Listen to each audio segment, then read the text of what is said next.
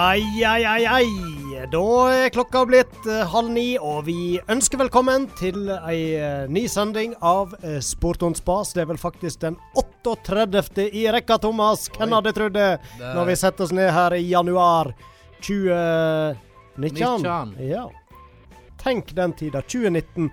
Lenge før vi visste hva covid var, og karantene og kohort og ah, men uh, heldigvis, vi har en god kohort her som gjør at vi kan ha disse sendingene. Og det setter jeg stor pris på. Håper dere òg syns det er kjekt å møtes sånn annenhver onsdag. Visst er det det. Eh, det mest eh, naturlige hadde vel vært om vi fikk eh, totalslakt etter program én og ble tatt av lufta, men eh, det har nå ikke skjedd ennå, da. Tror terskelen er høy i radiostrien før en tar ting av lufta. Det Her må det på. Men det eh, 38 program, det, det nærmer seg jubileum, da. Det begynner å lukte kake, som han sa. Ja, vi må, jeg vet ikke, skal vi ha ei sånn mellomkake på 40, eller Vi sikter vel oss iallfall inn på 50 sendinger. Mellomkake. Thomas er glad i kake. Jeg liker kake. Ja. Men jeg hører ikke meg sjøl, det er litt dumt. Det er det er litt dumt. heller. Nei, men eh, karer. Det er jo eh, ei tid på året der vi går ifra eh, vinteridrett til mer eh, sommeridrett. Det er vårast, og nå har vi lagt bak ei fantastisk spennende helg for oss stryninger, og også er glad i skisport og skiskyting spesielt. Eh, Det, det gikk jo ikke an å få det mer spennende enn det han eh, Johannes Tingnes Bø gjorde det på søndag. Dette her eh, var reine Hitchcock. Du meg? Ja, det, nei, det var nå eh, nesten å takke han for at det ikke gikk bedre på lørdagen, for da var jo spenninga til å ta og føle på når de gikk ut på fellesstarten der. At hele verdenscupen ble avgjort på siste skyting, kan ikke bli bedre enn det. Nei, Da tror jeg eh, hele Stryn hadde eh, omtrent like høy puls som Johannes hadde på standplass. det, var, det var nervepirrende, altså. Og i løpet av serien så skifta jo de og leder verdenscupen. Så Ja. det var jo ganske heftig. Nei, for ei underholdning. Bedre enn dette, det får en knapt. Og så var det jo kjempeartig òg med han eh, bror Tarjei som fikk eh, Det var ti år siden, var det? Siden forrige kule. Nå, han var ikke sammenlagt eh, Sammenlagt, sammenlagt, men i fellesstartcupen, der vant han. Så det var moro for eh, Tarjei å få et eh, nytt uh, trofé. Så gjør han vel sin beste sesong på ti år. Ja. Og Det- det, vitner jo om eh, kvalitet. Kjempesesong av både han eh, Ja ja, Johannes er ja, han, har jo, han har jo vunnet, så han har jo hatt en god sesong, selv om han har trøbla fælt med dette våpenet sitt en stund. Ja, nei, det er klart, eh, de var vel inne på det, at eh, så mange sigre, det ble ikke i år. Jeg tror det var fire seire han fikk med seg. Men bunnivået hans, det er jo så godt at han eh, sanker jevnt og trutt med poeng. Så veldig sterkt gjort av begge brødrene. Og selvfølgelig, vi skal prate litt mer om dette eh, litt senere i sendinga. Vi skal ha med oss han eh, Sjur Ole Svarstad, som er lærer på landslinja her i Stryn. Og jeg tror han eh, kan fortelle litt om hva betydning eh, disse to eh, Bø-brødrene har for skiskyttersatsinga blant de yngre her òg. Og eh, så skal vi ha med en up and coming fra Stryn. Det er jo god rekruttering på skiskyttersida, og eh, for ikke så lenge siden så tok han Simon Hjelmeset Kirkeide en fantastisk flott eh, sølvmedalje i NM i den eldste juniorklassen, og det syns jeg var ekstra gledelig. Det har vært litt stilt ifra han nå eh, dette spesielle året, og da var det moro at han kunne komme og vise seg på den måten. Det har jo vært veldig lite renn nå for uh, andre enn eliten, så uh, veldig kjekt at han Simon var best når det gjaldt. Nest best, i hvert fall. ja, så godt som, så godt som gull. Så eh, kan vi nå sikkert høre litt med han òg, eh, hva disse her en, eh, bøerne eh, betyr for inspirasjon når han eh, Ja, i hans satsing. Ellers så, eh, som sagt, vi er i krysningspunkt eh, vinter, eh, og det er naturlig å peile seg litt mer inn på fotballen og den som begynner å rulle i gang. Og der har vi to flotte gjester på lista vår, Frank. Ja, vi skal jo ta en prat med Sogndal-trener Eirik Bakke. Han har jo hatt ei innholdsrik karriere, så vi må snakke litt om både tida som spiller og nå som eh, trener. Da. Han har vel vært trener for Sogndal i fem-sjette år han tar fatt på. I en mannsalder. Er en mannsalder i det yrket. Det, dette her er ikke en hvem som helst. Det, det slo meg her i stad. Vi snakket litt uh, om han. Hadde en liten sånn peptalk før sendinga her. Og da sa du han har spilt Det er 150 Leeds-kamper. Og det er ikke hvem som helst som får oppleve det i karrieren sin. Nei da, han har, han har 6-7 år i Leeds med nærmere 150 kamper og har vært innom Esten Villa, tatt seriegull med Brann og ellers spilt for Sogndal både før og etterpå det. Så han har vært med på mye, han. Spilt semifinale i Champions League har han gjort. Og så har han spilt med mange stryninger, og det kan jo være mm. litt spennende å høre hva erfaringene han har med disse ulike. Ja, det er ikke bare Floa, det er litt uh, andre stryninger han har fått uh, vært på lag med. Ja da, så det skal vi spørre han ut om. Og siste gjesten Ja, beklager, Thomas. Ja, nei, det går fint. Siste gjest er jo Hanna Tenden superveteran på uh, Stryn sitt uh, damelag uh, dette året her. Det høres litt brutalt ut, superveteran og er ja. 30 år, men uh, i denne sammenheng så er vel hun, er vel hun nesten det. Når resten av laget er knapt er konfirmert, så da er du superveteran. ja, han er vel det. Men vi skal ta en prat med henne og snakke litt om holdt på å si, motivasjonen til å komme tilbake og spille. Og hun har jo en innholdsrik karriere bak seg, hun òg. Ja, hun har vært det er drøyt å si proff i utlandet, men hun har spilt i utlandet iallfall. Ja, det er mer enn det jeg og du har gjort. Det er korrekt. Det blir eh, interessant og spennende å høre og lære mer om eh, hun Hanna og eh, Eirik Bakke og Simon og Sjur Ole, som vi etter hvert skal ha med oss. Men jeg må nå spørre dere, har det vært noe spesielt på tapetet disse siste to ukene, da? Ja, jeg har nå lagt bak meg ei helgevakt, og det ble jo litt arbeid med skiskyting, sjølsagt. Ja. Gledelig avslutning på helgevakta. Ja, og i dag har jeg guida Bernhard Hole opp på eh, Flo skue. Han har aldri vært der før. Da gratulerer vi han eh, Bernhard med det. Ja. ja. Skikkelig onsdagstur, med andre ord. Ja, ja, ja. Vi nådde toppen. 7462 meter over havet, skrev han på. Oh, ja. Men Floskue er det en flott tur. Der får du mye utsikt og valuta for eh, svettedråpene. Vi får utfordre han Ove til å ta turen der med bikkja. Ja. Har du vært på Floskue, Frank? Det har jeg. Ikke, ikke siden forrige sending, men uh, der har jeg vært flere ganger, ja. Mm. Det store spørsmålet er jo er det helt bært hele veien opp? Nei, nå er det uh, bitte litt snø i uh, øverste del av uh, stien. Ok, så uh, godt uh, skotøy, det er viktig. Ja, ikke verre enn at dette går fint. Mm. Er du fortsatt på felleski, eller er du begynt å snøre om til joggesko, du òg? Ja, eh, jeg har snørt om til badebrok. Nei, du, jeg, jeg, har med noen svømmeøkter i svømmehallen for, ja, å, ja. for å få trimma litt. Og nå er, går det rykte om at uh, Old Boys-gjengen er i ferd med å våkne ut fra ei lang, lang vinterdvale. Han uh, Arve Aaning prøvde å dra i gang ei trening i, på søndag. Nei, Nei det, er, fot, det er fotball. Svømmetrening. fotball utendørs. Svømmeklubben. Eh. Men uh, det kom så brått på folket at den ble avlyst. Det er ikke mm. første gangen, men uh, vi prøver igjen neste søndag. Må ha litt tid å omstille seg, ja. Det, det er klart. Men du lukter godt, Frank. Det lukter svømmehall av deg. I likeså, Thomas. Ja. Du ser nyklora og fin ut.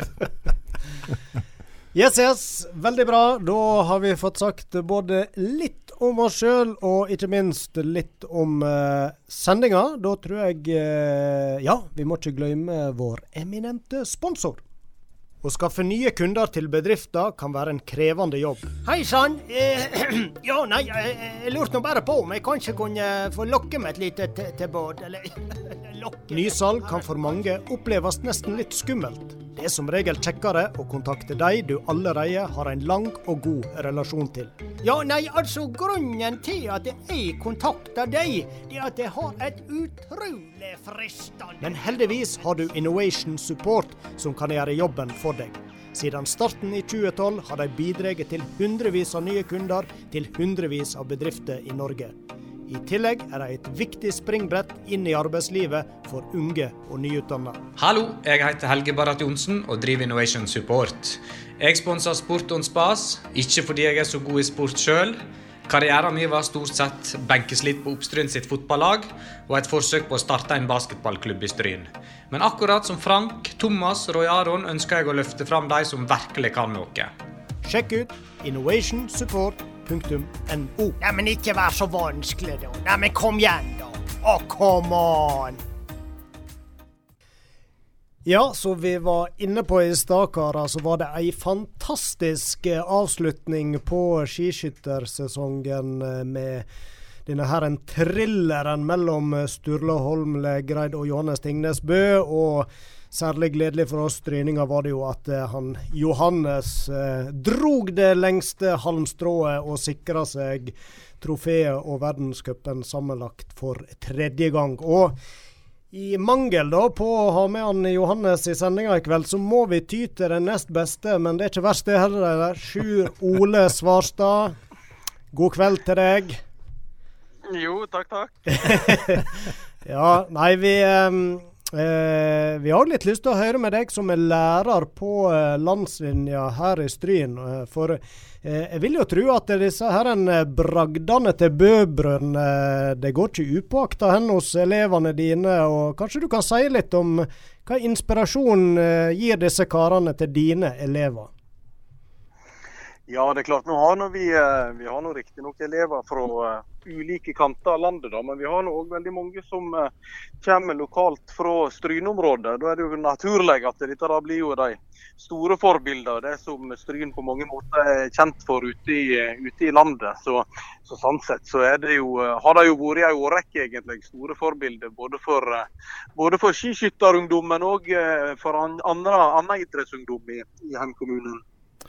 Men uh, Sjur Ole, du sa til meg her på en melding at uh, kanskje akkurat denne sesongen her så har Bø-gutta vært ekstra motivasjon for dere? Ja, det er klart det har vært en veldig spesiell sesong. da. Vi har jo eh, helt fra helt fra i høst har vi håpet at det skulle uh, ordne seg etter hvert med disse restriksjonene, og at uh, en skulle få arrangert noen nasjonale renn også for disse juniorene som går, fra, går på landslinja. da. Vi 16 til 19 år. Men det har jo vist seg at det har blitt tilbakeslag på tilbakeslag. og Nå står vi her i slutten av mars og vi har ikke fått, uh, fått gått et eneste nasjonalt renn. Så da har en jo fordel med det er jo at en har jo fått bedre tid da, til å sitte hjemme og, og se på skiskytteren på, på fjernsynet og fulgt, mer med. Og så, og så, har det jo vært en del sånn små smårenn her. Men det er klart for, for de som er juniorer og har gått hovedlandsrenn og junior-NM tidligere, så har det på mange måter vært en litt stusslig sesong. Mm. Så da blir rett og slett eh, noe av inspirasjonen det å se eh, disse forbildene sine i aksjon? Og gå, ja, ut, og, det, ja. gå ut og gjøre det samme på trening etterpå? ja, det er mye læring i det å se de beste gjøre, gjøre spesialidretten sin. Så det er alltid spennende å, å se på hvordan de utfører både skytingene og, og gjennomføringa på, på standplass og i sporet. Det er mye læring i det. Så, så vi plukker opp noen 20-triks, og plukker opp mange 20-triks denne vinteren her. ja, er, det gjelder vel bare å holde piffen oppe nå så lenge som mulig. og ja, legge grunnlaget for neste sesong, rett og slett. Ja, det er klart det. Og de som, eh, de som, har lyst til å bli flinke seniorer, de eh, klarer nå å holde motivasjonen veldig godt oppe, oppe sjøl. Det er mye hardt arbeid. Du vet, nøk Nøkkelen til suksess det er jo hardt arbeid. og Det er jo en eh, hemmelighet som så veldig, for veldig mange forblir hemmelig nettopp pga. det. Så vi prøver nå liksom å motivere dem til at en må en må trene godt selv i sånne vintre. Så må en faktisk eh, trene, trene, veldig godt og kanskje bruke det nesten til en fordel. At en kan kanskje klare å være enda mer motivert og på hugget enn det konkurrentene kan. Så uh, her er det gode muligheter for å, for å, løfte seg neste år når en har fått seg en, en god treningsvinter. Mm. Hvordan vil du si status er nå på eh, landslinja? Er det godt treningsmiljø og mange ivrige som går der? Ja, jeg syns det ser veldig bra ut. Jeg må si jeg er veldig, veldig imponert over treningsmoralen i, i gruppa. Eh, nå er vi nå i slutten av mars, og det har ikke gått omtrent annet enn klubbrenn og riktignok et vestlandsmesterskap. Men eh, de har virkelig eh, brukt hverandre og brynt seg på hverandre og stått på. Så eh, jeg, jeg, er mektig imponert over eh, hvor godt de har har jobba i lag. Jeg tror jo mye av grunnen til det er jo at det er en stor gruppe. Vi er fire, 24 skiskyttere nå, så, så uh, drar hverandre opp. slik at uh, jeg er veldig veldig glad for at uh, vi har et så stort miljø på en så spesiell vinterskitt her. Mm. Første året så var det jo uh, i hovedsak uh, lokale løpere som gikk. Uh, hvordan er den geografiske spredninga nå? Ja, men vi har litt forskjellig. Vi har jo noen løpere fra gamle Hordaland, og vi har fra Sunnmøre. Og vi har også fra det heter vel Innlandet nå, da.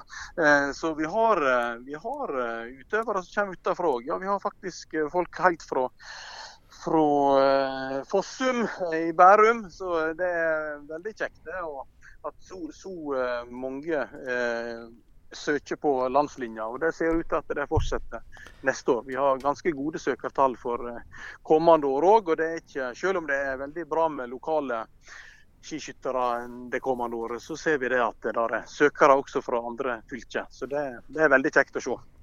Jeg mener jeg så på eh, sosiale medier her at eh, det var ei som hadde vært oppe i en eller annen plass og blitt midtnorsk mester, stemmer det? Ja, det stemmer. Vi har en elev i første klasse som er fra, fra Valldal. Så det er nå eh, Sunnmøre som tok turen nordover. Så det, det var nå veldig artig at hun skulle hamle opp med trønderne. Så eh, jeg tror det var, hun var ganske usikker på hvor hun sto sammenlignet med dem. Men det, det så ut til å gå bra. Så eh, hun hadde ei god helg der. Har du navnet på henne, så kan vi få eh, dokumentere det i arkivet? ja, det hun heter Eline Mathea Myhren. Det gjør hun. Så hun går i, går i første klasse nå. Mm. Ellers så ryktes det nå at uh, treneren er i bra form òg. Han uh, holdt godt uh, tempo uh, på Visnesrunden. Uh, Iallfall siste rapport der. Kan du skrive under på at dette stemmer, eller? Ja, En uh, trasker nå på. Det er mest sannsynlig den dårligste do, den, den, treneren som er i dårligst form. Og de som er på landslinja, men han gjør det så godt han kan.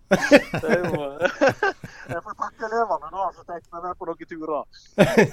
ja. Vi må litt tilbake til helga, Sjur Ole. Jeg regner med at du uh, satt uh, framfor TV-en og fulgte med? Ja, helt klart. Dette er jo helt spesielt med en sånn type verdenscupavslutning. Eh, jeg husker nå sjøl fra, fra, da jeg var med på trenersida i, i langrenn, riktignok, så er, jo, er, det jo noe helt spesielt å snakke om den gule ledertrøya. Og det er jo en, en, lang vinter med veldig mange renn som blir viktige da, for de som kjemper om sammenlagttittelen. Så det der eh, Nei, jeg benka meg søndag. altså. Jeg var rett og slett skikkelig nervøs når jeg så, eh, så rennet. Så det ja, var veldig artig at eh, at han skulle klare det til slutt. Men dette med sammenlagt uh, seier, det er jo lett å tenke at det er VM- og OL-medaljene som er det, er det, store. Men du som har vært i miljøet som trener på landslagsnivå, hvor, hvor høyt henger denne gule trøya?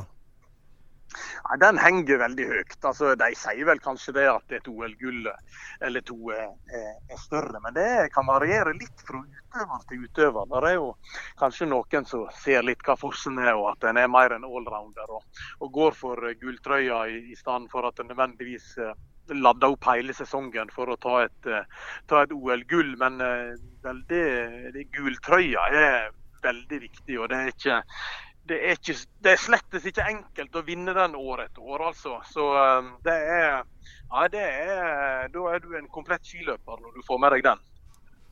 Tror du han Johannes kan vinne den fire ganger på rad?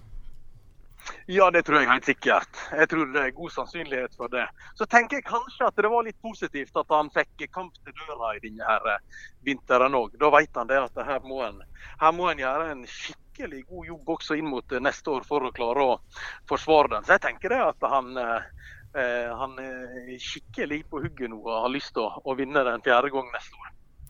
Vi gleder oss allerede til sesongstarten. Så ja, får, får, vi håpe det, Sjur Ole, at disse elevene dine òg får litt mer eh, konkurranse å bryne seg i, og ikke minst får prøve seg på landsnivå og, sjekke ut hvordan en ligger. Det er jo litt mer eh, motiverende, naturlig nok, enn å bare gå disse klubbrennene. Ja, det håper jeg inderlig. Så det, vi får tro det ordner seg. Flott. Da sier vi tusen takk for at du var med, og så må du ha en fin onsdagskveld videre. Nei, altså, Spartans beste er jo å gå for teorien i praksis, ikke sant? Altså, du har de beste folkene på de beste plassene. Ja, det har vært en eh, litt eh, spesiell eh, sesong i år for uh, skiskytterne, de aldersbestemte. Det har vært avgrensa hvor mye de har fått uh, mulighet til å konkurrere. Men uh, da var det ekstra gledelig å se at en av våre store skiskytterhopp, han Simon Hjelmeset Kirkeide, Markan IL På hvem Ja, nå eh, høres det ut som vi er inne i snekkerboda her. Det var så mye lyd av oss der. Er du med oss, Simon Hjelmeset? Eh, god dag, ja. God dag! Nå er jeg klar. ja. Nå er jeg klar. Det er jeg. Hva du styrer med? Nei, akkurat nå så savner jeg min far. Å du? Driver du og smører ski, altså? Det medfører riktighet. Ja, håper det. Det er det. Nei, jeg sånn har Så svikt, jeg- svikta deg. Jeg jeg jeg ja, eventuelt har jeg flytta ifra han.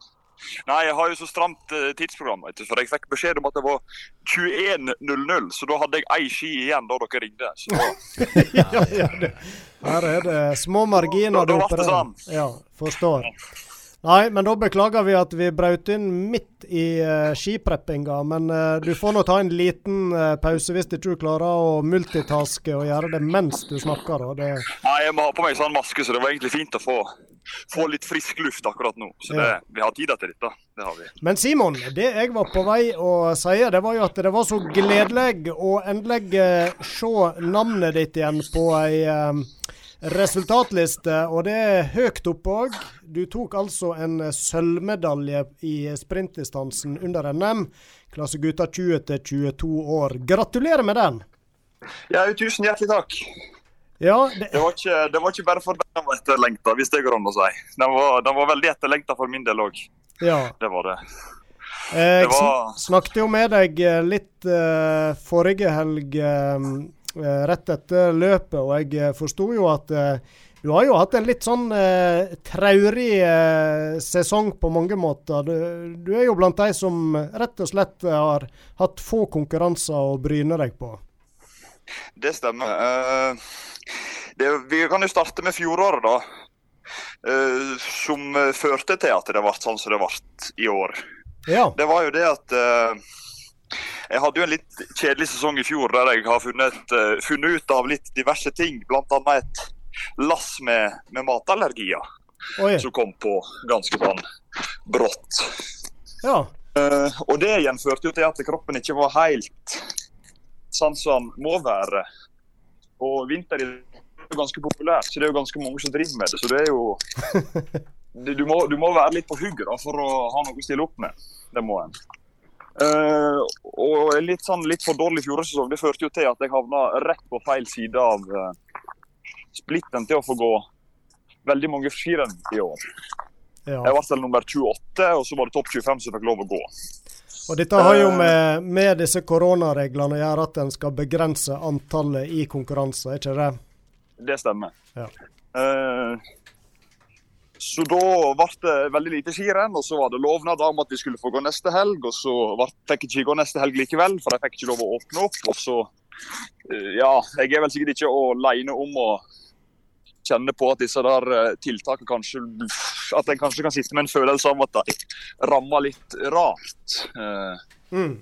eller at de tar Ja, vi har noen fotballspillere som ikke får lov å spille fotball, og, og litt sånn, da. Selv om en kan møtes på andre arenaer uten at det er noe problem. Eh, så det har jo ført til at jeg har fått trent veldig mye mer enn jeg vanligvis har gjort, i alle fall. Summa summarum i sesong.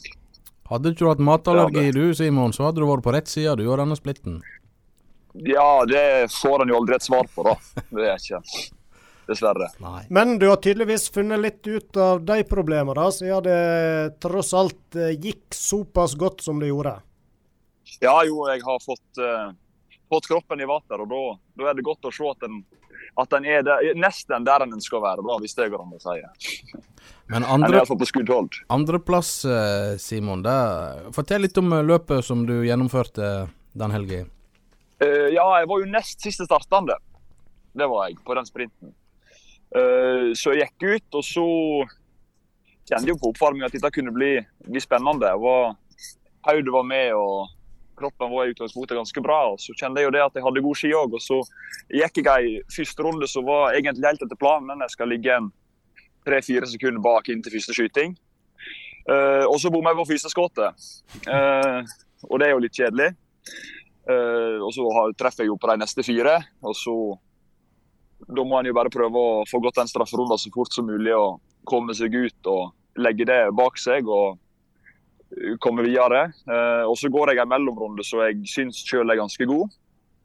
Tar inn litt, tar inn litt av det tapte så jeg uh, dro på meg med den ekstra strafferunden. Uh, og så gjør jeg en stående serie som jeg egentlig er veldig godt fornøyd med. det var litt, litt, vind på det Det var litt vind både litt mellom øra og litt på, på standplass på da, da jeg bomma på det fjerde skuddet. Så da ble det en strafferunde da òg. Og så ble jeg sekundert ut på en, eh, en femteplass. Uh, der det var 22 sekunder opp til han som var nummer to. Uh, men han hadde fått det tungt på siste runde.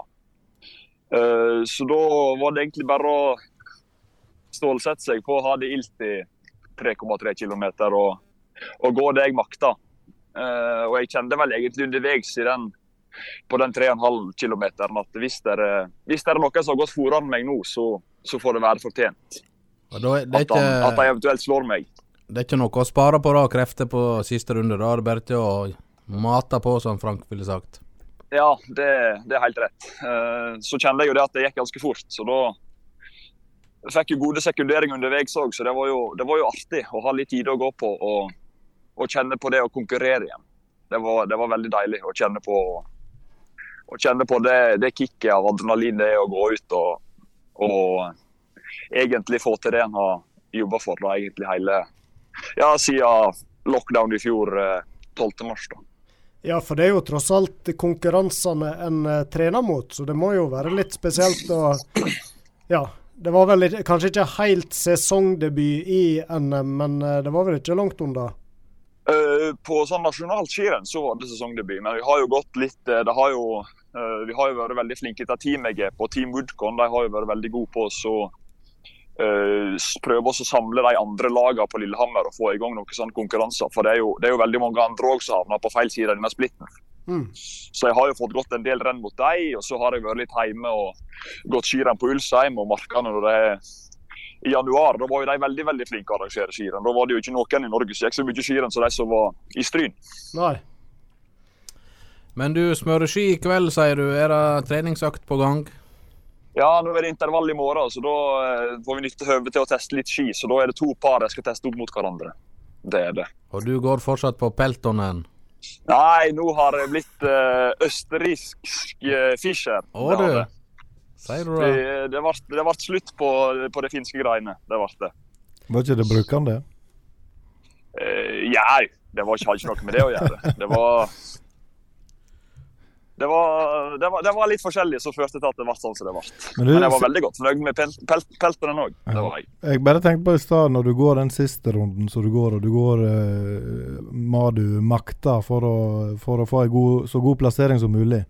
Går det an å beskrive hvor sliten du er på slutten der? For jeg ser jo utøvere som går i mål som eh, stuper rett i snøen, mens andre kan jo gå ei femmil og komme i mål og står og hopper og spretter, noe jeg ikke forstår noen ting av. Men, men hvor, ja. hvor, sliten er du når du går i mål? Eh, går det an, går an å beskrive det? Eh, det er jo litt artig, da. For når du er i dårlig form, da er det veldig, veldig ilt. Og da, da er en svimmel. Da, altså, da, er det, da, da, kan det egentlig best sammenlignes med manflu. Uh, når du kommer i mål. Det er jo, når, når det er jo egentlig ikke så galt. Nei, ikke i det hele tatt. Iallfall ikke hvis en spør, eh, spør damer, så er ikke det noe problem. Nei. Uh, nei, men når en er i form, da er det egentlig bare artig. Uh, det er jo ilt, for all del, men det er liksom ilt på en veldig sånn Jeg vet ikke hvordan jeg skal beskrive det. Beautiful pain, kanskje. Ja. Jeg, ikke, jeg vet ikke. Men er det litt sånn for deg når du, før du fikk avklart dette her allergigreiene, at du følte du måtte slite mye mer for sekunder da enn du gjør nå, når du har sikkert fått orden på kosthold og sånn i forhold til det? Uh, ja, spesielt i fjor så var jo alt veldig, veldig Da var jo alt ubehagelig. Det var rett og slett uh, jeg går rundt og ja, sliter med nervøs mage av forskjellige årsaker. Både at han er nervøs før han skal gå skirenn, og for at uh, maten, jeg rett og slett ikke tåler maten han spiser. Mm. Uh, så det er, jo, det er jo veldig stor forskjell. Han har jo mye mer energi. og er, Det er mye kjekkere å være Simon når en får litt, uh, når en får litt igjen for den maten en spiser. Men har du måttet gjøre store omlegginger? Er det inngripende i kostholdet ditt, eller er det mer sånn små tilpasninger? Det er ikke noe mer at jeg har kutta ut gluten. Jeg har fått påvist sånn uh, glutenallergi, eller hva, hva det heter. dette greiene der. Og, jeg, uh, og jeg har jo hatt en mistanke om å ha hatt det veldig lenge, men jeg har liksom ikke fått påvist. Og Så var jeg til en lege i, i Drammen som jeg kom i kontakt med på, på skirenn i fjor. og Da fikk jeg tatt sånn gastroskopi, og da fikk jeg en svar på mistankene. Så da, etter det har egentlig pila gått sakte, men sikkert oppover. Så bra. Greit med alt som kan eh, ordnes og fikses til. Ja, nei, det har, det har vært fint, det. Det har det. Mm. Men eh, hvordan er det? Blir det med denne NM-helga, eller får det gå noe mer eh, litt større konkurranser? Nå ble vel NM skiskytter for senior iallfall avlyst, så hvor det, Ja, nei, ja, det er avlyst, uh, avlyst alt som er nå. Det Ja. er det. Så nå er det egentlig bare å trene det en ellers ville ha gjort. Uh, og så er det vel fram til den 1. april der en starta med det så veldig mange ser fram til, og det er jo off-season. At du skal få lov å slappe av og drive med andre ting. Men eh, jeg, eh, for min del så vil jeg jo heller gått skirenn i år, når jeg ikke har fått gått så mye skirenn. Så, så det blir vel å ta seg noen turer på ski i april òg. Det blir det. Hvor mye gleder du deg til en helt vanlig skisesong nå, da? Nei, det, eh, det, det gleder jeg meg veldig til. Jeg det, håper det at det, det skulle jo være Norgescuprenn på Ulsheim i, i vinter, Ja. i januar. Så jeg håper jo det at vi får, eh, at vi får et renn i, til neste år òg, så jeg får muligheten til å gå på hjemmebane. Det hadde jo vært veldig veldig artig. Mm. Du er junior ett år til. Det stemmer. Ja.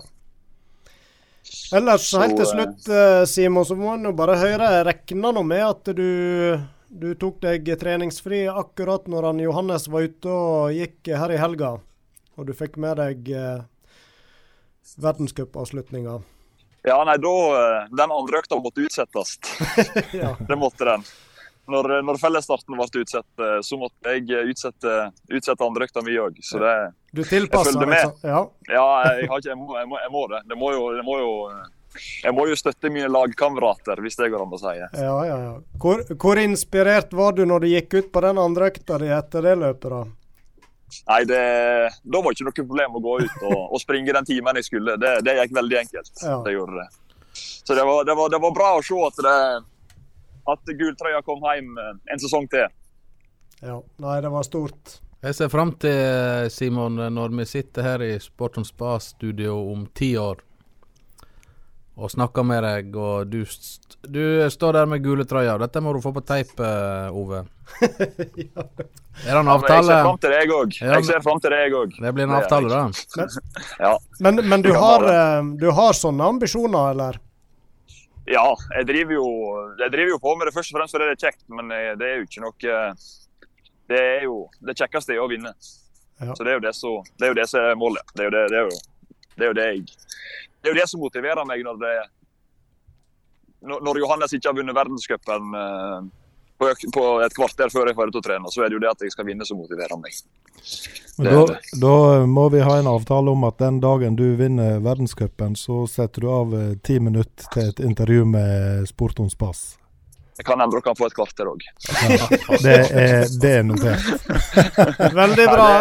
Jeg er nå spent på om han hvis, eh, hvis Fjordingen sender en representant, så skal dere få første intervjuet. Oh, ja, ja. Dette liker vi. Vi liker innstillinga både som idrettsutøver og, og holdninger til lokale medier. Det setter vi pris på. Men jeg er nå spent på om han eh, Sigbjørn har dukket opp nå. Jeg tror ikke han reiser helt til Lillehammer for å smøre ski, men eh, Var ikke det så at du leter etter han? Jo, men det ser ikke ut som det Her passerer en bil nå, men det ser ikke ut som han kommer ned på tunet. Så det kan hende det, det kan hende det, det kan hende jeg må ta, må ta, må ta sikle dem sjøl. Det kan hende jeg må gjøre. Men det, det skal jeg få til. Sitter på ei veikro og spiser kjøttkaker nå. Sannsynligvis. Er ikke det, fri, er ikke det fria? Fria, ja. ja, ja. Ja. Nei, men Kjekt å prate med deg, Simon. Og så ønsker vi deg lykke til i treningsarbeidet. Og så satser vi heller på mange gode intervju og prater neste sesong, at det er mest mulig normalt og mange gode konkurranser for deg. Ja, tusen takk for det. Det var veldig, veldig trivelig å få invitasjonen. Det var det. Da får du fullføre ski nummer to, og så ha ei god intervalløkt i morgen. Ha det bra. Ja, det skal jeg gjøre. Ha det bra. Hei, hei.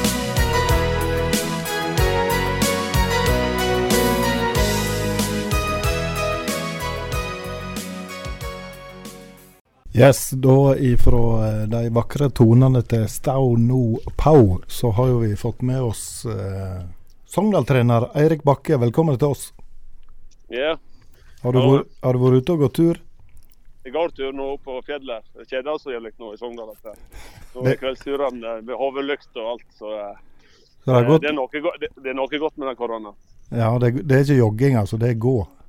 Ja, Akkurat nå så går det. Jeg springer litt, men eh, jeg, eh, da blir det fullstendig skal jeg, skal jeg eh, prate med deg, tror jeg. Er det, er det Rindabotn, eller? Det er ikke Rindabotn i dag. Du, så, er... eh, ja. nei, du, Eirik, du har jo uh, hatt en ganske innholdsrik uh, karriere med um, selvfølgelig mange kamper for Sogndal. Uh, sju år hadde du vel i Leeds, en sesong i Aston Villa. Fire år i Brann, inkludert et eh, seriegull der, og så tilbake til Sogndal igjen, da.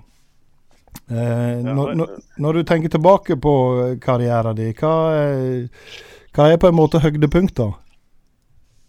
Ja, for søsteren min turnen tapte. Jeg var med og spilte kretskamp på Bestrøyen med hele gjengen. gjeng. Så ble høvla 4-1. Det der sitter i, eh, i hodet mitt, hele den gjengen der. Så eh, jeg var noen år eldre, så eh, det er vel eh, det husker mest med. da. Uh, nei da, det er mange uh, fotballkarrierer.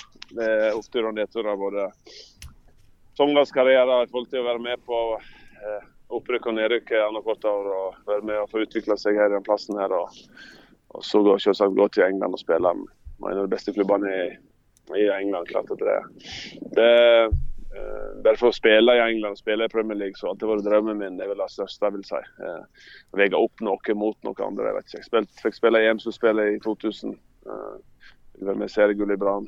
Eh, så, så det, alt er forskjellige klubber du er. Men jeg har jo stort sett jeg har vært i tre klubber og var innom Villa på lån i halvt år. Men, så jeg har vært heldig og spilt for lite klubber, men uh, mange ja, tradisjonelle klubber. på en måte. Så jeg, Mm. så jeg jeg er glad for det. Du nevner guttedrømmen, det å komme til England. Kan du huske liksom den første treninga når du tredde inn på stadionanlegget der, og hvordan det var?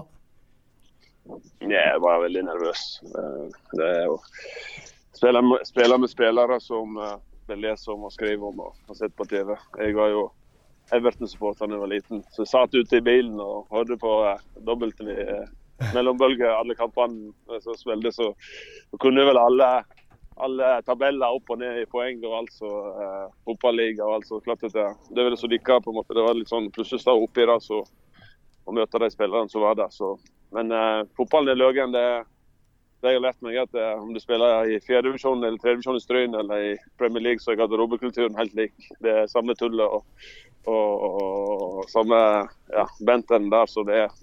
Og stemning og kultur og i det, det samme prinsippet. Så, så eh, det er vel det jeg eh, måtte lære meg først der borte. Var vel å ta imot en hard pasning. Det er vel det jeg lærte meg. Fotballens ABC.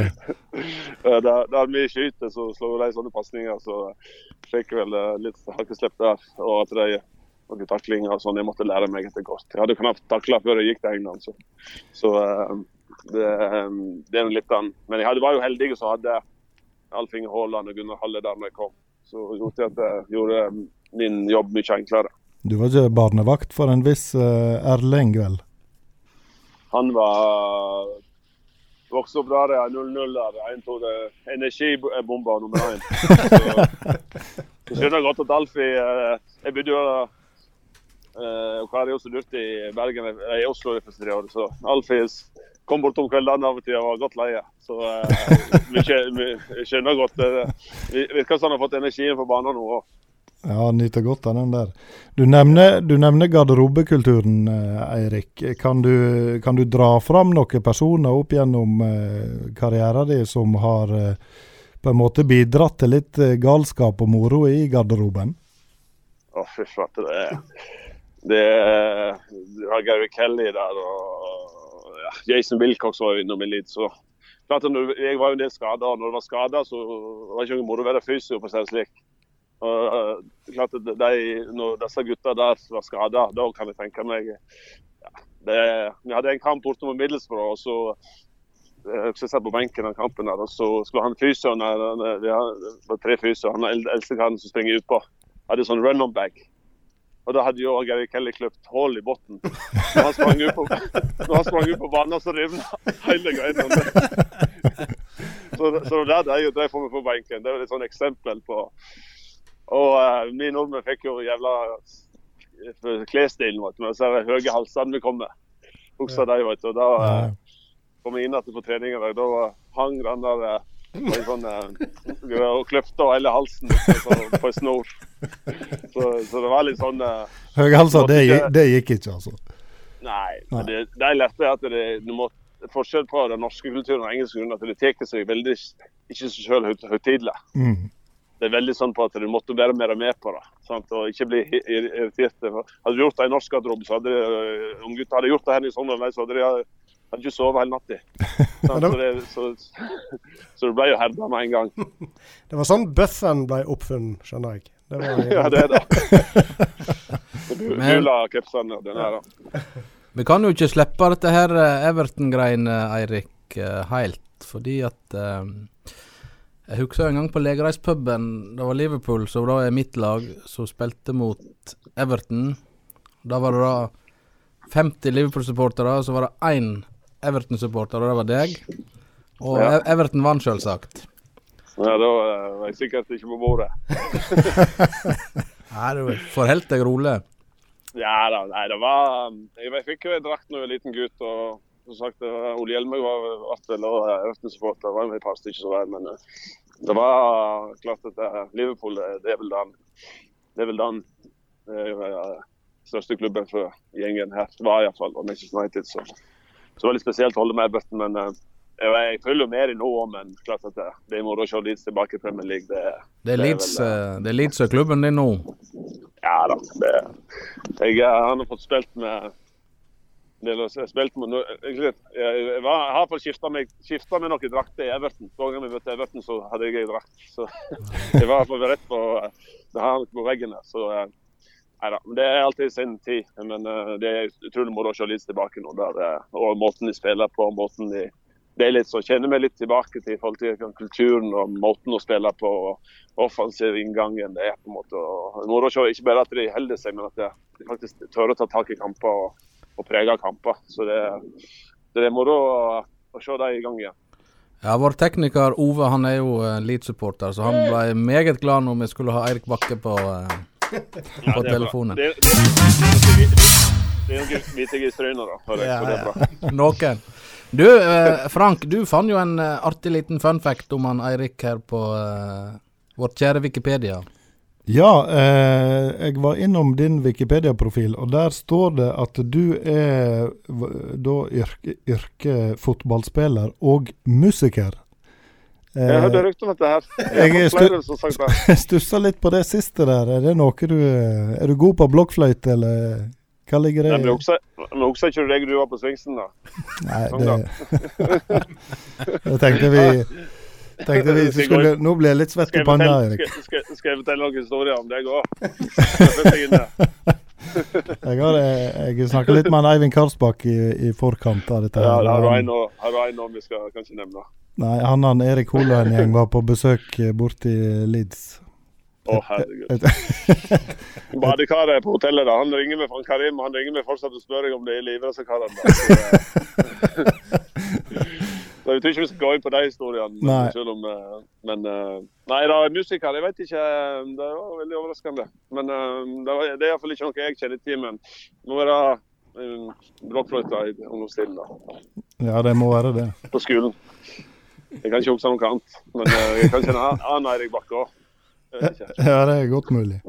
I løpet av disse her åra som, som, trener, nei, som spiller, Eirik. Hvis, du skulle, hvis du skulle ramse opp de tre beste medspillerne du har hatt i løpet av eh, karrieren din, hvem, hvem vil du plassere på topp tre da? Å, fy flate.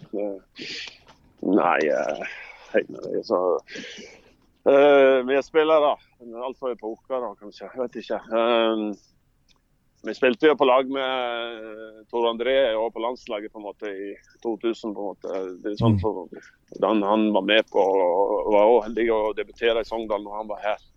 Det var det store forbildet mitt når jeg vokste opp her i Sogndal. Og, og, og så vil jeg si Tor André er nå uh, blant de tre, tror jeg, som, som har vist litt vei for oss andre. Um, og så uh, Harry Kuhl, når jeg spiller med han i Leeds, det største talentet kanskje jeg har spilt med i forhold til potensial, eh, Mm. fart og, og havna i feil klubb, men det er nå så. Eh, så tok jeg et valg, eh, der, og så Skal vi se Det var som Jeg spilte med den gjengen der i, i Leeds, så er det vanskelig Du har jo alt fra uh, Mark Veduca til Rio Ferdinand og så, sånn. så det uh, det er vanskelig egentlig å si med Tor André. Uh, I hvert fall uh, en som viste vei. Uh, og ja. QL, Viduka. Er vel der og Det er mange å ta av. ja, men det er litt sånn, jeg hadde så mange gode medspillere. på en måte, og På midten jeg spiller med Oliver Dacourt der i to år. der forhold til han, han var dominert i Premier League på den tiden. så, så klart at det, Men det største er jo for du spiller ettertid, og når, når du spiller bort mot, mot de spillerne og ser ettertid hvem du har møtt i forhold til Roy Keane og Patrick Vieira og alle disse de kampene du hadde mot dem. sant? Det er på en måte at sier ikke, Når du er oppi det, så tenker ikke du hvem du møter. Da er det bare å, da er du en av dem på en måte å ta opp Mm. kampen med dem. Ja. Så, så, uh, så det, er, det er mange gode bataljer. Og så prøve å lære, Det handler om å vinne den krigen du er oppi på midtbanen. Det er vel det lært fra yngre år. Når vi, har nå spilt mye jeg voksen i tredje divisjon her og spiller mot lag, lokale lag. og, og Vi har, mange gode bataljer oppe i Stryn om det er opprykksfinale eller altså det, det alt er alle, jeg husker like like masse sånne kamper som jeg i Premier League-kamper og Champions League-kamper. Det, det er like mye det som jeg eh, ungdomstiden min i Sogndal jeg sitter igjen med. Mm. Eh, selvsagt eh, å få oppleve det i England. Det var mange like kamper. Men å vokse opp og spille innendørsturneringer, spille fotball som unggutt i Sogndal og, og Jeg elsker å spille fotball, om det var med førstelaget eller andrelaget, eller om det hva det var. på en måte, men å, det er ungdomstiden på en måte, og den leken som var der. Det er klart det er, det er ofte det som går vekk når du kommer inn i det voksenlivet. Så, så det er viktig at en tar vare på det. Mm. Um, jeg så uh, tidligere i dag et klipp fra semifinale Uefa Cup 1999, 1999 der dere uh, Leeds da spilte mot Galatasaray. Og du, Yes. Det ble 2-2 på hjemmebane, og eh, godeste Eirik Bakke skåra begge to for Leeds. Yes. Da hadde Det var, du, var det, du snakka om motspillere, men da var jo eh, Hagi og Tafarel og Sukur blant eh, motspillerne på Galatasaray. Så eh, det er jo klart at eh, eh, det er en del eh, prominente motspillere du har hatt opp gjennom åra, i tillegg til medspillere. Ja, det var klart. Jeg kom inn i et eliteslag så som var ung. Mange på min alder, 21, 22, 20 år. Utrolig sånn sulten gjeng. Og Vi hadde som utgangspunkt at uansett hvem vi møtte, så skulle vi Vi trodde vi kunne slå alle. Mm. Det er liksom, Vi brydde ikke oss om motstanderen. Var- Vi hadde en, eh, jeg snakker om analyse. Vi hadde en eh, analysemann på 80 år så hadde sånn VHS-video som vi skulle opp, når vi spilte Europacup, så skulle vi opp og se en omgang av motstanderne. Og Manageren eh, kom alltid til slutt. Og da, selvsagt hva som skjedde når han skulle sette på den, så hadde spillerne tatt ut videoen. Hver gang så skjedde det. Sånn. Og manageren, det var David O'Leary. Ja, så, så han visste Ja. om at det kom til å bli så, Men at det, vi hadde veldig lite fokus på motstanderen. Vi hadde veldig sånn fokus på uansett hvem vi var, om det var Europa eller ikke, så spilte vi om vår måte. og det, det er egentlig den truen vi hadde på oss sjøl. Mm.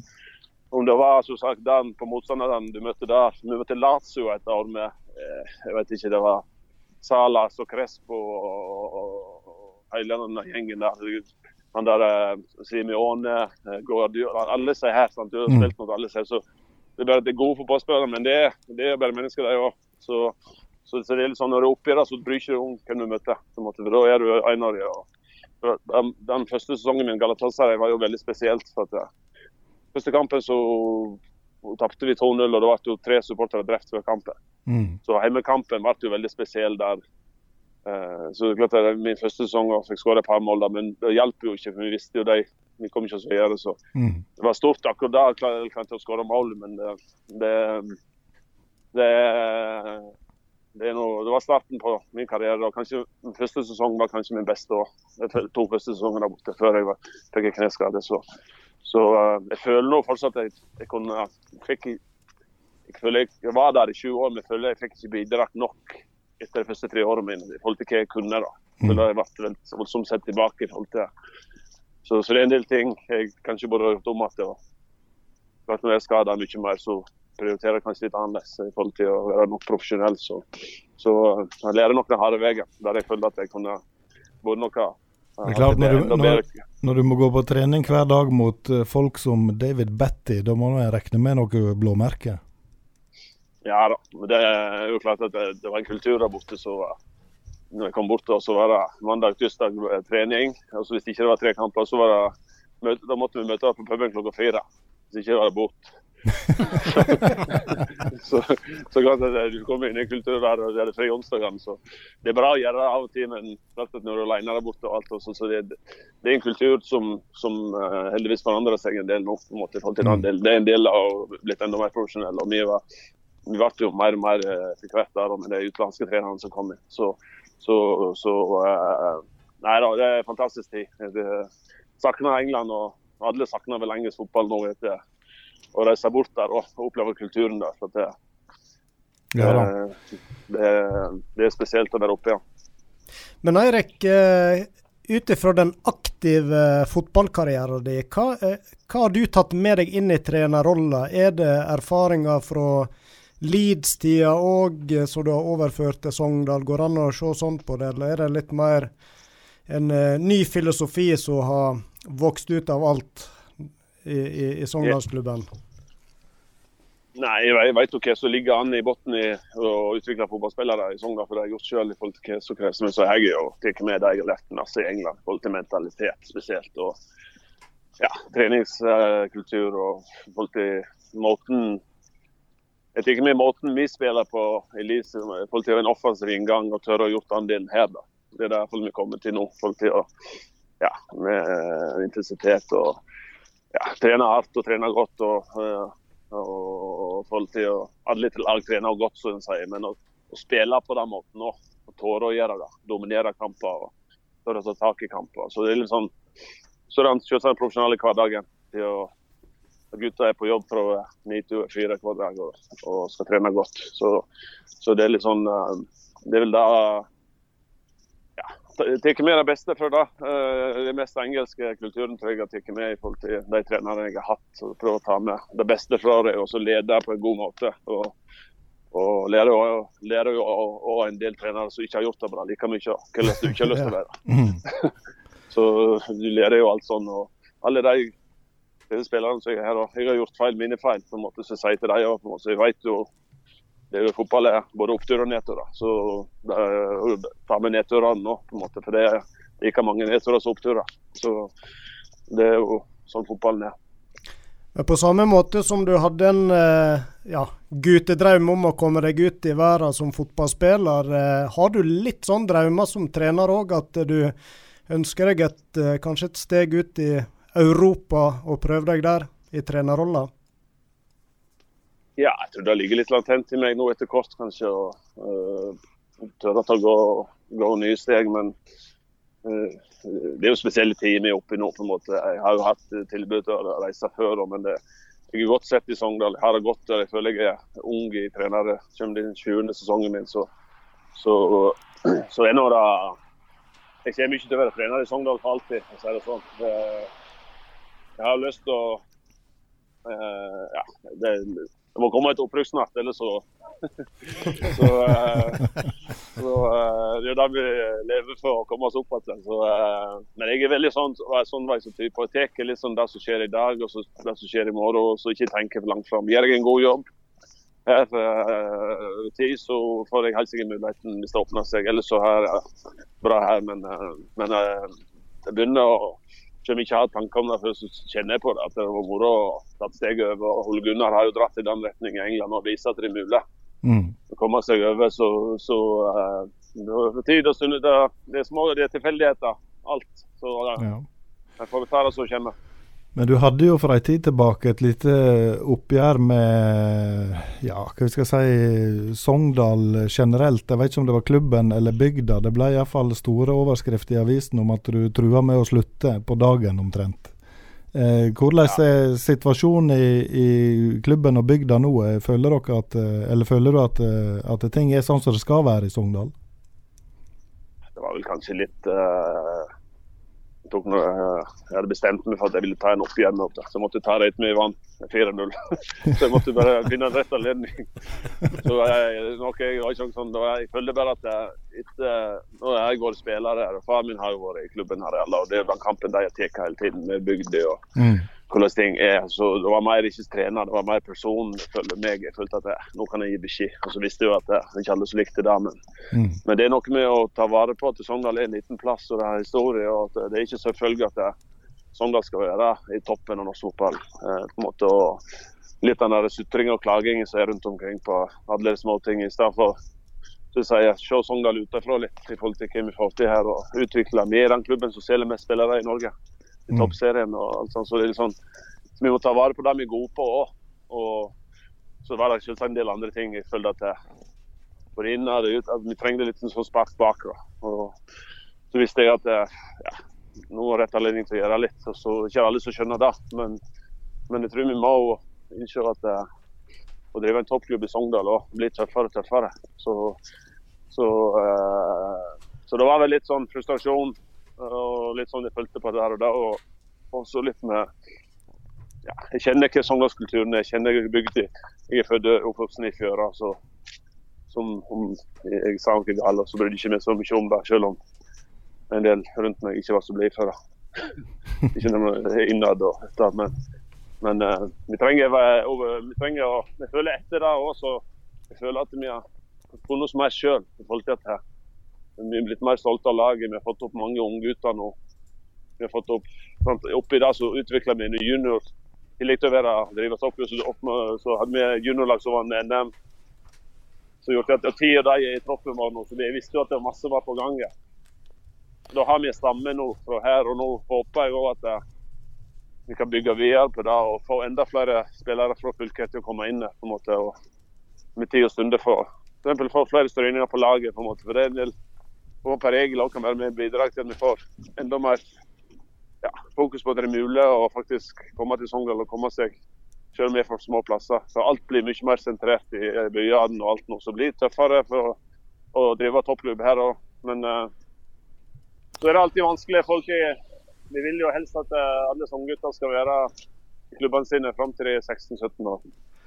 Men så må de ta et valg i forhold til begynne på skole. Så, så vi trenger, Det kommer opp en del unggutter nå. og Det er talent det er rundt omkring, men vi må, vi må være ja, Det er tøffe krav rundt om i klubbene nå, enda tøffere enn før. Så, så det er viktig at vi ja, får opp våre egne òg. Da er man ikke Sogndølen, men alle disse klubbene rundt oss. Det er mange talent rundt omkring som kan spille på høyere nivå. og Det, det er det som driver meg litt her, å få opp en kultur på det. Få i gang enda flere av disse eh, lokale guttene som skal inn. Ja, har det en viss oversikt over hva som beveger seg ute i distriktet? Ja, det tror jeg vi har bra oversikt over. Men, men en ting vi aldri må glemme, det er å være mye ute i klubbene. Og Det er noe vi hadde som så Vi skal mye reise rundt i klubber ha treninger. i stedet for vi. Så, så Den største tingen nå at det her, og det, eh, det er ikke bare et A-lag, det er et utviklingsmiljø som vi prøver å skape. og Det er for å utvikle spillere rundt oss. Det er ikke for å ta talent vekk fra klubbene, men for at vi skal få opp enda flere talent. og Det er alltid vanskelig det i forhold til eh, å utvikle andre sine spillere rundt om i klubbene. Men, eh, men vi har bra oversikt over spillere rundt oss. Så, så, eh, men eh, vi håper jo at denne breddefotballen kommer i gang igjen. Sånn så de kan, er jo litt bekymra for miljøet rundt oss nå. At de, får trene godt, men de får ikke spille kamper. så det er jo Toppfotballen er én ting, men, også klubber og ungdommer rundt omkring. Det er ikke lett å være ungdom i disse årene her. Jeg tror ikke vi skal klage. Og, så uh, vi håper at vi får uh, se noen strøyninger på Sogndal. Det er i hvert fall noe vi lyst til å få til. Men når dere rekrutterer, Eirik, altså når dere er ute og kikker på spillere, er på en måte gamle Sogn og Fjordane det dere ser på først? Har dere, har dere et mål om å, å rekruttere fra eget fylke? Ja. Og så er det klart det er pri nummer én. Alltid det. Ser alltid eget fylke først. Og så er det så alltid vanskelig sånn, forhold til jeg sier det på en måte, men jeg er ikke noe å finne typer. Klart at det er mange gode fotballspillere som ser bra ut på banen, men er de typer nok? Og det å si med de spillerne som kommer opp gjennom systemet i Sogndal, det er jo om det er Jostein Flo eller andre typer, det er jo typer som har ja, de går gjennom hele spekteret. Det er typer som tar steget på en måte, og tårer å stå i det litt og tøffe i skallen. og bør kanskje ikke være alltid den beste fotballspilleren, men har en jævlig spisskompetanse f.eks. Så, så vi må prøve å finne mm, typer som passer inn i vår måte å gjøre ting på. Så, uh, men det er som sagt, vi, vi har iallfall nok uh, enda større folk, flere folk som jobber nå i forhold til å skal ha kontroll på de unge rundt oss. Men, men det er noe mange tilbud som unge har nå. Så det, det, det jo tøff vei å gå i forhold til fotball og komme seg gjennom. Men alt er mulig. Det har jeg visst her òg. At det, uh, fra Sogndal til dit som mulig, så er det mulig å gå fra småklubber rundt om til Sogndal. Ja, Det har du selv et uh, levende bevis på. Men uh, helt, helt sant til slutt, Eirik. hvis du ikke var fotballtrener, hva ville du ha vært da? Skal, velge, skal velge på øverste hylle. Hvis ikke det var fotball Jeg kan jo ikke noe annet. Jeg vet ikke om vi kommer på varmerikka eller radioen, da. Ja, ja. Her er ledig. Jeg har, har en ledig stol. Koke litt kaffe og gjøre litt sånn. Hvis det er, hvis det er Ove, Ove bak der får bestemme, så da kommer jeg inn. Ja.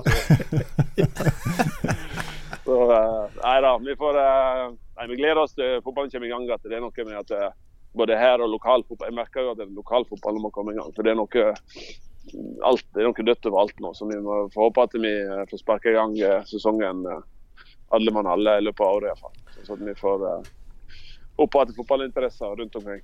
Ja, Her oppe i Stryn har vi jo mest to lag, rett nok sjettedivisjon, men likevel viktige klubber som har booka under pga. korona bl.a. Så det er jo ikke bra. Nei da, og det, det får noen konsekvenser. Men hvis de har rette typene, så får du bare dra det i gang igjen. Det er sånn vi lager, tror jeg. Så det er tungt litt nå, men det er eh, tradisjonsrike klubber som, som eh, blir jobba for til en får gang igjen, får vi tro. Men han må få lov å spille fotball, da. For det er jo da, om det så si, om det er i Premier League eller i fjerde divisjon eller femte divisjon, det er den garderobekulturen og, og den samholdet som er der, det det er noe vi alle liker. Så um, Det er jo derfor jeg liker å være trener og for fortsatt være en del av den garderobekulturen. For det er noe jeg er vant med. Så så vi håper at det, vi får uh, ja, så, det, Jeg skal ikke si det. Vi får vite inn i regjeringen til å åpne opp igjen litt. Det er det eneste landet som ikke har åpna, men uh, vi får være tålmodige. Det får vi være, og vi ser iallfall fram til både lokalfotball og toppfotballen skal sparkes i gang igjen. Og så eh, satser vi òg på at eh, det er noen rette typer ifra Stryn etter hvert som kan banke på døra til Sogndal. Så eh, tusen takk Eirik for at du tok deg god tid til å være med her i Sport on spas. Veldig hyggelig. Vi snakkes. Ha det. Ha det. Ha det. Ha det. Ha det.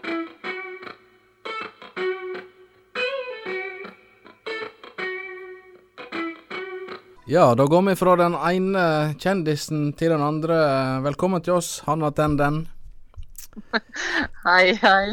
Hei, Vi har nettopp snakka med Eirik Bakke i Sogndal, skjønner du. Å, du og du.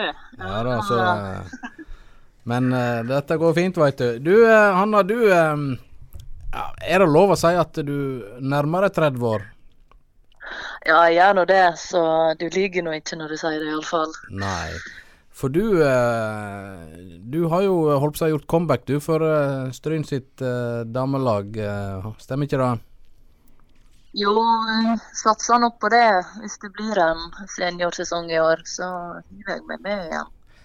Jeg bladde jo litt i arkivet i Fjordingen i dag, og Sist du var omtalt i avisa, det var i august for fire år siden. I en, Ja. uh, en 3-2-seier over Sandane slash Bremsbygda. Ja, det var det, ja. Ja, så du har vel ikke vært i Strynefotballen siden da, da, kanskje? Nei, um, da var jeg i Nederland. Så da ble det litt langt å reise hjem igjen for å spille kamp. Riktig. Da, eh, Og dette nederlandsoppholdet, der må vi jo komme litt uh, tilbake til. Men jeg tenkte jeg skulle eh, For jeg bladde litt videre i arkivet, og i april 2016, allerede da ble du eh, omtalt som uh, den rutinerte på damelaget. ja. ja. Så da var du, 2016, ja. da var du 4-25 år, da. Ja, stemmer nok det. Ja. Hva er motivasjonen din nå uh, som uh, Du er antakeligvis den eldste til å, å snurre på deg skoene for Stryn. Det er jo veldig ungt lag eh, de har. Ja, eh, nei, det er nå for at det fortsatt er kjekt å spille fotball. Og det, det er behov for eh, folk i stallen. Du, som ikke er med i startelveren, så er det behov for folk på trening og, og litt, eh, litt bredere stall. Og når folk reiser vekk på skole og, videre. Det er jo det damelaget alltid har slitt litt med på høstsesongene. når universitet og høgskoler står for tur, og da er det greit å kunne stille på. Men det er ikke sånn at eh, de andre spillerne eh, kaller deg for mor og slikt. Det er ikke, det er ikke så galt? Nei, det er ikke så galt. ikke helt ennå. Det, men eh, han har bare han bare elsk på dette damelaget i grunnen siden jeg eh, begynte der, så det er vel en vanesak nå. Hvis vi blir litt videre i arkivet, Hanna, så ble du kåret til årets spiller i Stryn i 2014. Ja. Og i 2013 da ble du til og med kåret til spillerne sin spiller. Yes. Og, Det er jo eh, kjekkeste prisen, det. Ja, han er en ekte kriger, sa Jon Os til fjordingen den gang. Ja, det, det er vel eh, en av de få egenskapene jeg har ute på fotballbanen. Det er vel det at jeg går eh, knallhardt i duellene. Så en greit, og, greit kompliment for, for det. Ja, ja, absolutt. Er det du befinner deg på uh, fotballbanen? Posisjon? Ja, Det er vel eh, potet nå. Eh, har vel vært overalt, så Men uh, siste uh, sesongene mine da har jeg spilt bak i Midtforsvaret. Men uh, det er nå bare å plassere meg der det er behov, så finner nå jeg ut av det til slutt. Men eh, Stryn var vel ikke din første klubb, etter det jeg forsto? Ja, jeg, begynner, jeg har alltid spilt i Stryn, men uh, når vi kom til seniorfotballnivå, så var det ikke noe damelag. Nei. Så da tok vi oss en tur til Håndalen og spilte to sesonger borte, vel. Riktig. Så, mm, Så du har vært eh, og spilt på idrettsparken der òg, ja? ja, det er god stemning der òg, så det var artig det. Og, og kjekt å få Kjekt at Håndalen klarte å stille det, lag det året så vi fikk spille fotball. Ja. Da bar det til Stryn igjen når vi fikk eh, starta opp igjen her i Stryn. Og det kom en god gjeng opp da med Ingrid Øvreberg og Sofie Lunde og denne litt alderskullet der. Så da, da var vi en god gjeng i Stryn. Var det da han eh, Jon eh, liksom var trener? Jon Da var Jon liksom trener, ja. Liksom. Uff a meg. Nei, nå håper ikke han Jon hører på nå. Det var ikke meningen, Jon, å si liksom. Jeg tror han var det på ordentlig. Han var det. Han var jo en eh, meget viktig del eh, av eh, damefotballen i Stryn, for all del. Men Ja. du, Hanna. Vi lytter snakker litt om Nederland, for der er vel ikke så mange damespillere fra Stryn som har spilt i nederlandsk andredivisjon? Nei, eh, det, jeg vet ikke om så mange. Men eh, det var jo skitartig. Absolutt. Det var noen fire sesonger der nede mens jeg eh, studerte. Så det var jo erfaring å ta med seg. Var det på nivå to eller tre? Eller fire? nei, det er hoftklasse, så det er nivå to i amatørklassen, da. Så okay. har du toppklasse som er nivå 1 i amatør, og så er det Eredivisie for fruene, da, som er Mm. toppligaen og toppfotballen, da. Så vi lå nå der og slura midt på tabellen. Det ser jo litt kult ut å ha en eh, nederlandsk klubb på CV-en, da. Vi snakket om det i, Ja. snakket om det i stad, Thomas. Det har ikke verken jeg eller du. Absolutt ikke. Hvem var det han heter? det? VV Nei. Drinerlo. Drinerlo. Ja, det er, det er i Tvente. Så vi eh, trente og spilte kamper rett ved siden av uh, Solskje Veste, som er hovedstadion til FC Tvente. da. Men så det var god stemning. hvis du var der i fire år, du, da snakker du vel flytende nederlandsk òg, sikkert? Ja, det det har ikke flytende, men jeg har meg forstått. Man er jo ikke så flatterende, dette språket, så det høres nå ikke så fint ut uansett om du kan det eller ikke. Så Men du kan, vel, eh, du kan vel sikkert uttalen på uh, han er spilleren som heter Ruud Gullit. Er ikke det noen fæle harkelyder inni der? ja, det er så mye harkelyder i hele språket at uh, der bare smoother jeg over med litt sånn Brabant-dialekt. For at uh, de harker ikke. Eh. Hvilket årstall snakka vi da, når du var der nede? Oh, uh, vi kom hjem igjen nå i fjor rett før korona. Så det var ja, 2018 da, og Nei, 2019 til 2015 var jeg der nede. Ja, og da var vi, var vi og du studerte. Yes. Og da er yrket Det er utdanna fysioterapeut og idrettsfaglærer fra tidligere. akkurat ja. Så da er du spillende fysioterapeut. Det er ikke mange som er. Nei, det er ganske greit. Ja. Ordna opp ute på banen. Ja, ja, ja. Teipe seg sjøl og si ifra at nå må jeg bytte. Jeg vet treneren og fysioterapeut, så da er iallfall eh, det i orden. Stille mannsterkt på damelaget i støtteapparatet, i alle fall. ja. Ja. Men hvordan, eh, hvordan er sesongoppkjøringa for eh, damelaget nå? Han har trent dere godt? Det, ser det bra ut? Ja, det, det ser knallbra ut. Det er jo, det er jo som dere nevnte, det er unge jenter. men De er jo så knallgode og treningsvillige og god kvalitet på treningene. Are er jo utrolig dyktig trener og legger flott opp treningene. og Det er full fres og 100% og jeg eh, går og peser og prøver å henge på disse Duracell-kaninene. Nå er vel han eh, fysioterapeut, han òg. Dere skravler ikke dere vekk da og blir for mye fagprat. Dere klarer å konsentrere dere om fotballen. Ja, jeg har ikke, jeg har ikke pust igjen til å stå og prate om slike, slike ting, veit du. Men eh, hvis det nå skulle bli eh, sesong eh, slik som alle håper på, har de sett dere ut noen utfordrere som eh, kan slå dere?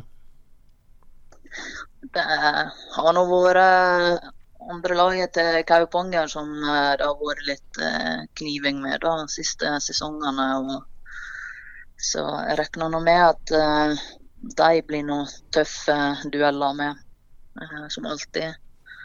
Ellers er det nå mye spennende som kommer fra ute i Måløy. De jobber nå hardt der ute med jente- og damefotballen, så det kan jo bli spennende å møte dem.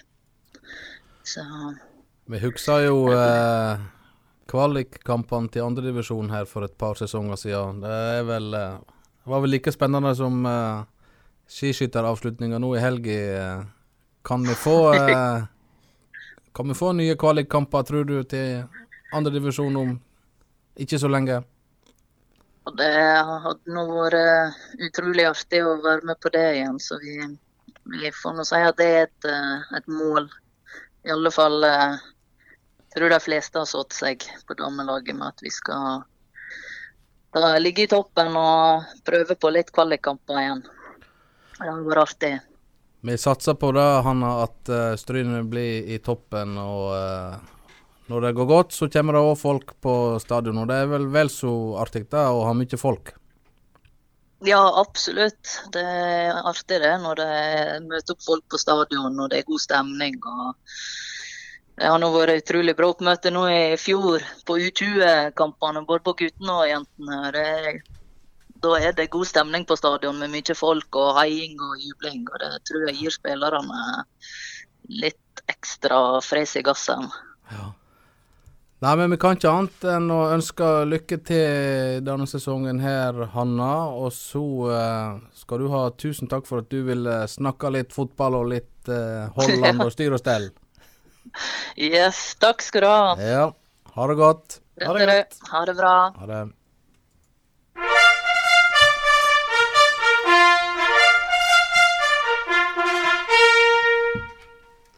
Betyr det konkurranse? Det skulle det bety, og da eh, passer det jo veldig godt å lete fram påskeegget. Det er ikke lenge igjen nå før eh, påskehøgtida er her. Det eh, er lenge siden påskeegga passer så godt som akkurat nå. ja. Som hun sa. Så, så, ja.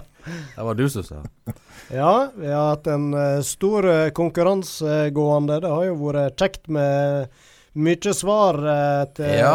så langt denne sesongen. Nå er det jo eh, ei Sogndalsdrakt som er up for grabs, som det heter på godt norsk. Mm. Ai, ai, ai. Det, eh, det har vel ikke blitt uh, annonsert før, har det? Eh, ikke, jeg lovte jo da sist sending at uh, jeg gikk høyt ut og sa at der skulle vi skaffe bilde og alt. Og, Ja. Men uh, nå er Vår kontakt i Sogndal havna jo på heimekontor. Så, han havna på heimekontor, og drakta ligger på kontoret. Mhm. Så ja, Ove André har funnet sånn lydeffektknapp, tror jeg. Bruk det mer. bruk det. mer. Men altså, Sogndal-drakt, alle veit hvordan den ser ut. Så uh, Flott. eh, Svart og hvit. eh, svart og hvit og alt mulig. Sånn alltid har vært. Yes. Så det er Håvard Flo som har skaffa oss den. veldig bra. Og han uh, var vel uh, svaret på konkurransen òg. Vi la ut et bilde Men det var ikke Sogndalsdrakt. Den var gul og svart. I hvert fall oransje. Det var vel for å, for å forvirre litt. Ja. Eh, perioden til han Håvard Flo i Wolverhampton er vel kanskje ikke den eh, folk flest husker best fra hans karriere. Da. Den var ikke så lang heller, eh, i Wolverhampton, Mm. altså. Men eh, Han, var det var han. han hadde jo et stort navn i Danmark. Det hadde han. De ville jo ha han til ordfører i Århus, Ja. husker jeg. Før han forsvant til Werder Bremen. Men i Norge er det vel bare Stryn og Sogndal han har spilt for. Det er vel korrekt. Det er korrekt. Og så var bildet litt uskarpt da, vet du, så, eh, men eh, den røynde supporter så jo at dette var Håvard Flo. Ja. Det gjorde de òg. Svar har vi iallfall fått eh, flere av, og de ligger i egget. Yes. Klar til den store trekkinga. Da tror jeg det er Frank i dag. Det er Frankie Boy som er uh, trekningsansvarlig. Ja, det var mange lapper nå òg. Ja, ja, det, det har tatt seg opp. Skal vi se. Og vinneren er Morten Breidablikk. Ai, Ai, ai, ai. Det var et uh, kjent navn i konkurransesammenheng. Uh, han tror jeg er flink å svare, og da er det eh, vel fortjent å få seg en premie når en er ivrig med å sende inn svar. Han har vært trufast uh, lyer av Sportens Spas, så det skulle bare mangle at ikke han vant en premie. Så da har han eh, drakta på plass til sesongen forhåpentligvis går eh, smertefritt. Eh, ja, Når er det de sparker av gårde? Nei, nå er det vel begynnelsen av mai, så er Ja, det er vel Sagt. utsatt eh, til starten av mai i, i første omgang, da. Så får Ja. vi se. Så da blir det vel over sommeren. Ja, du tror, du tror det. Vi håper. Vi håper på før, iallfall. Superdupert. Har vi en uh, ny konkurranse òg, da? Du uh, har vel lagt ut et bilde, du, tenker jeg? Ja ja, folk kan se på Facebook-sida vår og sende oss svaret på Messenger. Ja. Og i eh, høvet at det nå er, er snart påske, palmehelga neste helg og gode greier, så er vi i gang med den gule høgtida. Så tenkte vi vel rett og slett at premien skal være et litt sånn påspandert eh, påskeegg, så vi skal fylle opp til randen med både godsaker og litt andre ting. Så eh, det Godsaker og andre saker. skal være god grunn til å sende inn svar eh, til eh, Sport om spas sin konkurranse. Yes, karer. Da er vi faktisk ved veis ende. Da vil jeg si tusen takk for en veldig innholdsrik og flott sending i lag med dere to, Thomas og Frank. Likeså. Likeså. Mitt navn det er Roy Aron Brennvik Myklebust. Jeg sier tusen takk for at dere var med og lytta. Med meg i studio, Thomas Bakke. og ikke minst Frank Stadheim. Og vår eminente tekniker Ove André Årskog. Og vi er, så sant ikke noe helt spesielt skulle skje, tilbake om 14 dager. Ha det bra. Ha det bra. Hei, hei. Nå.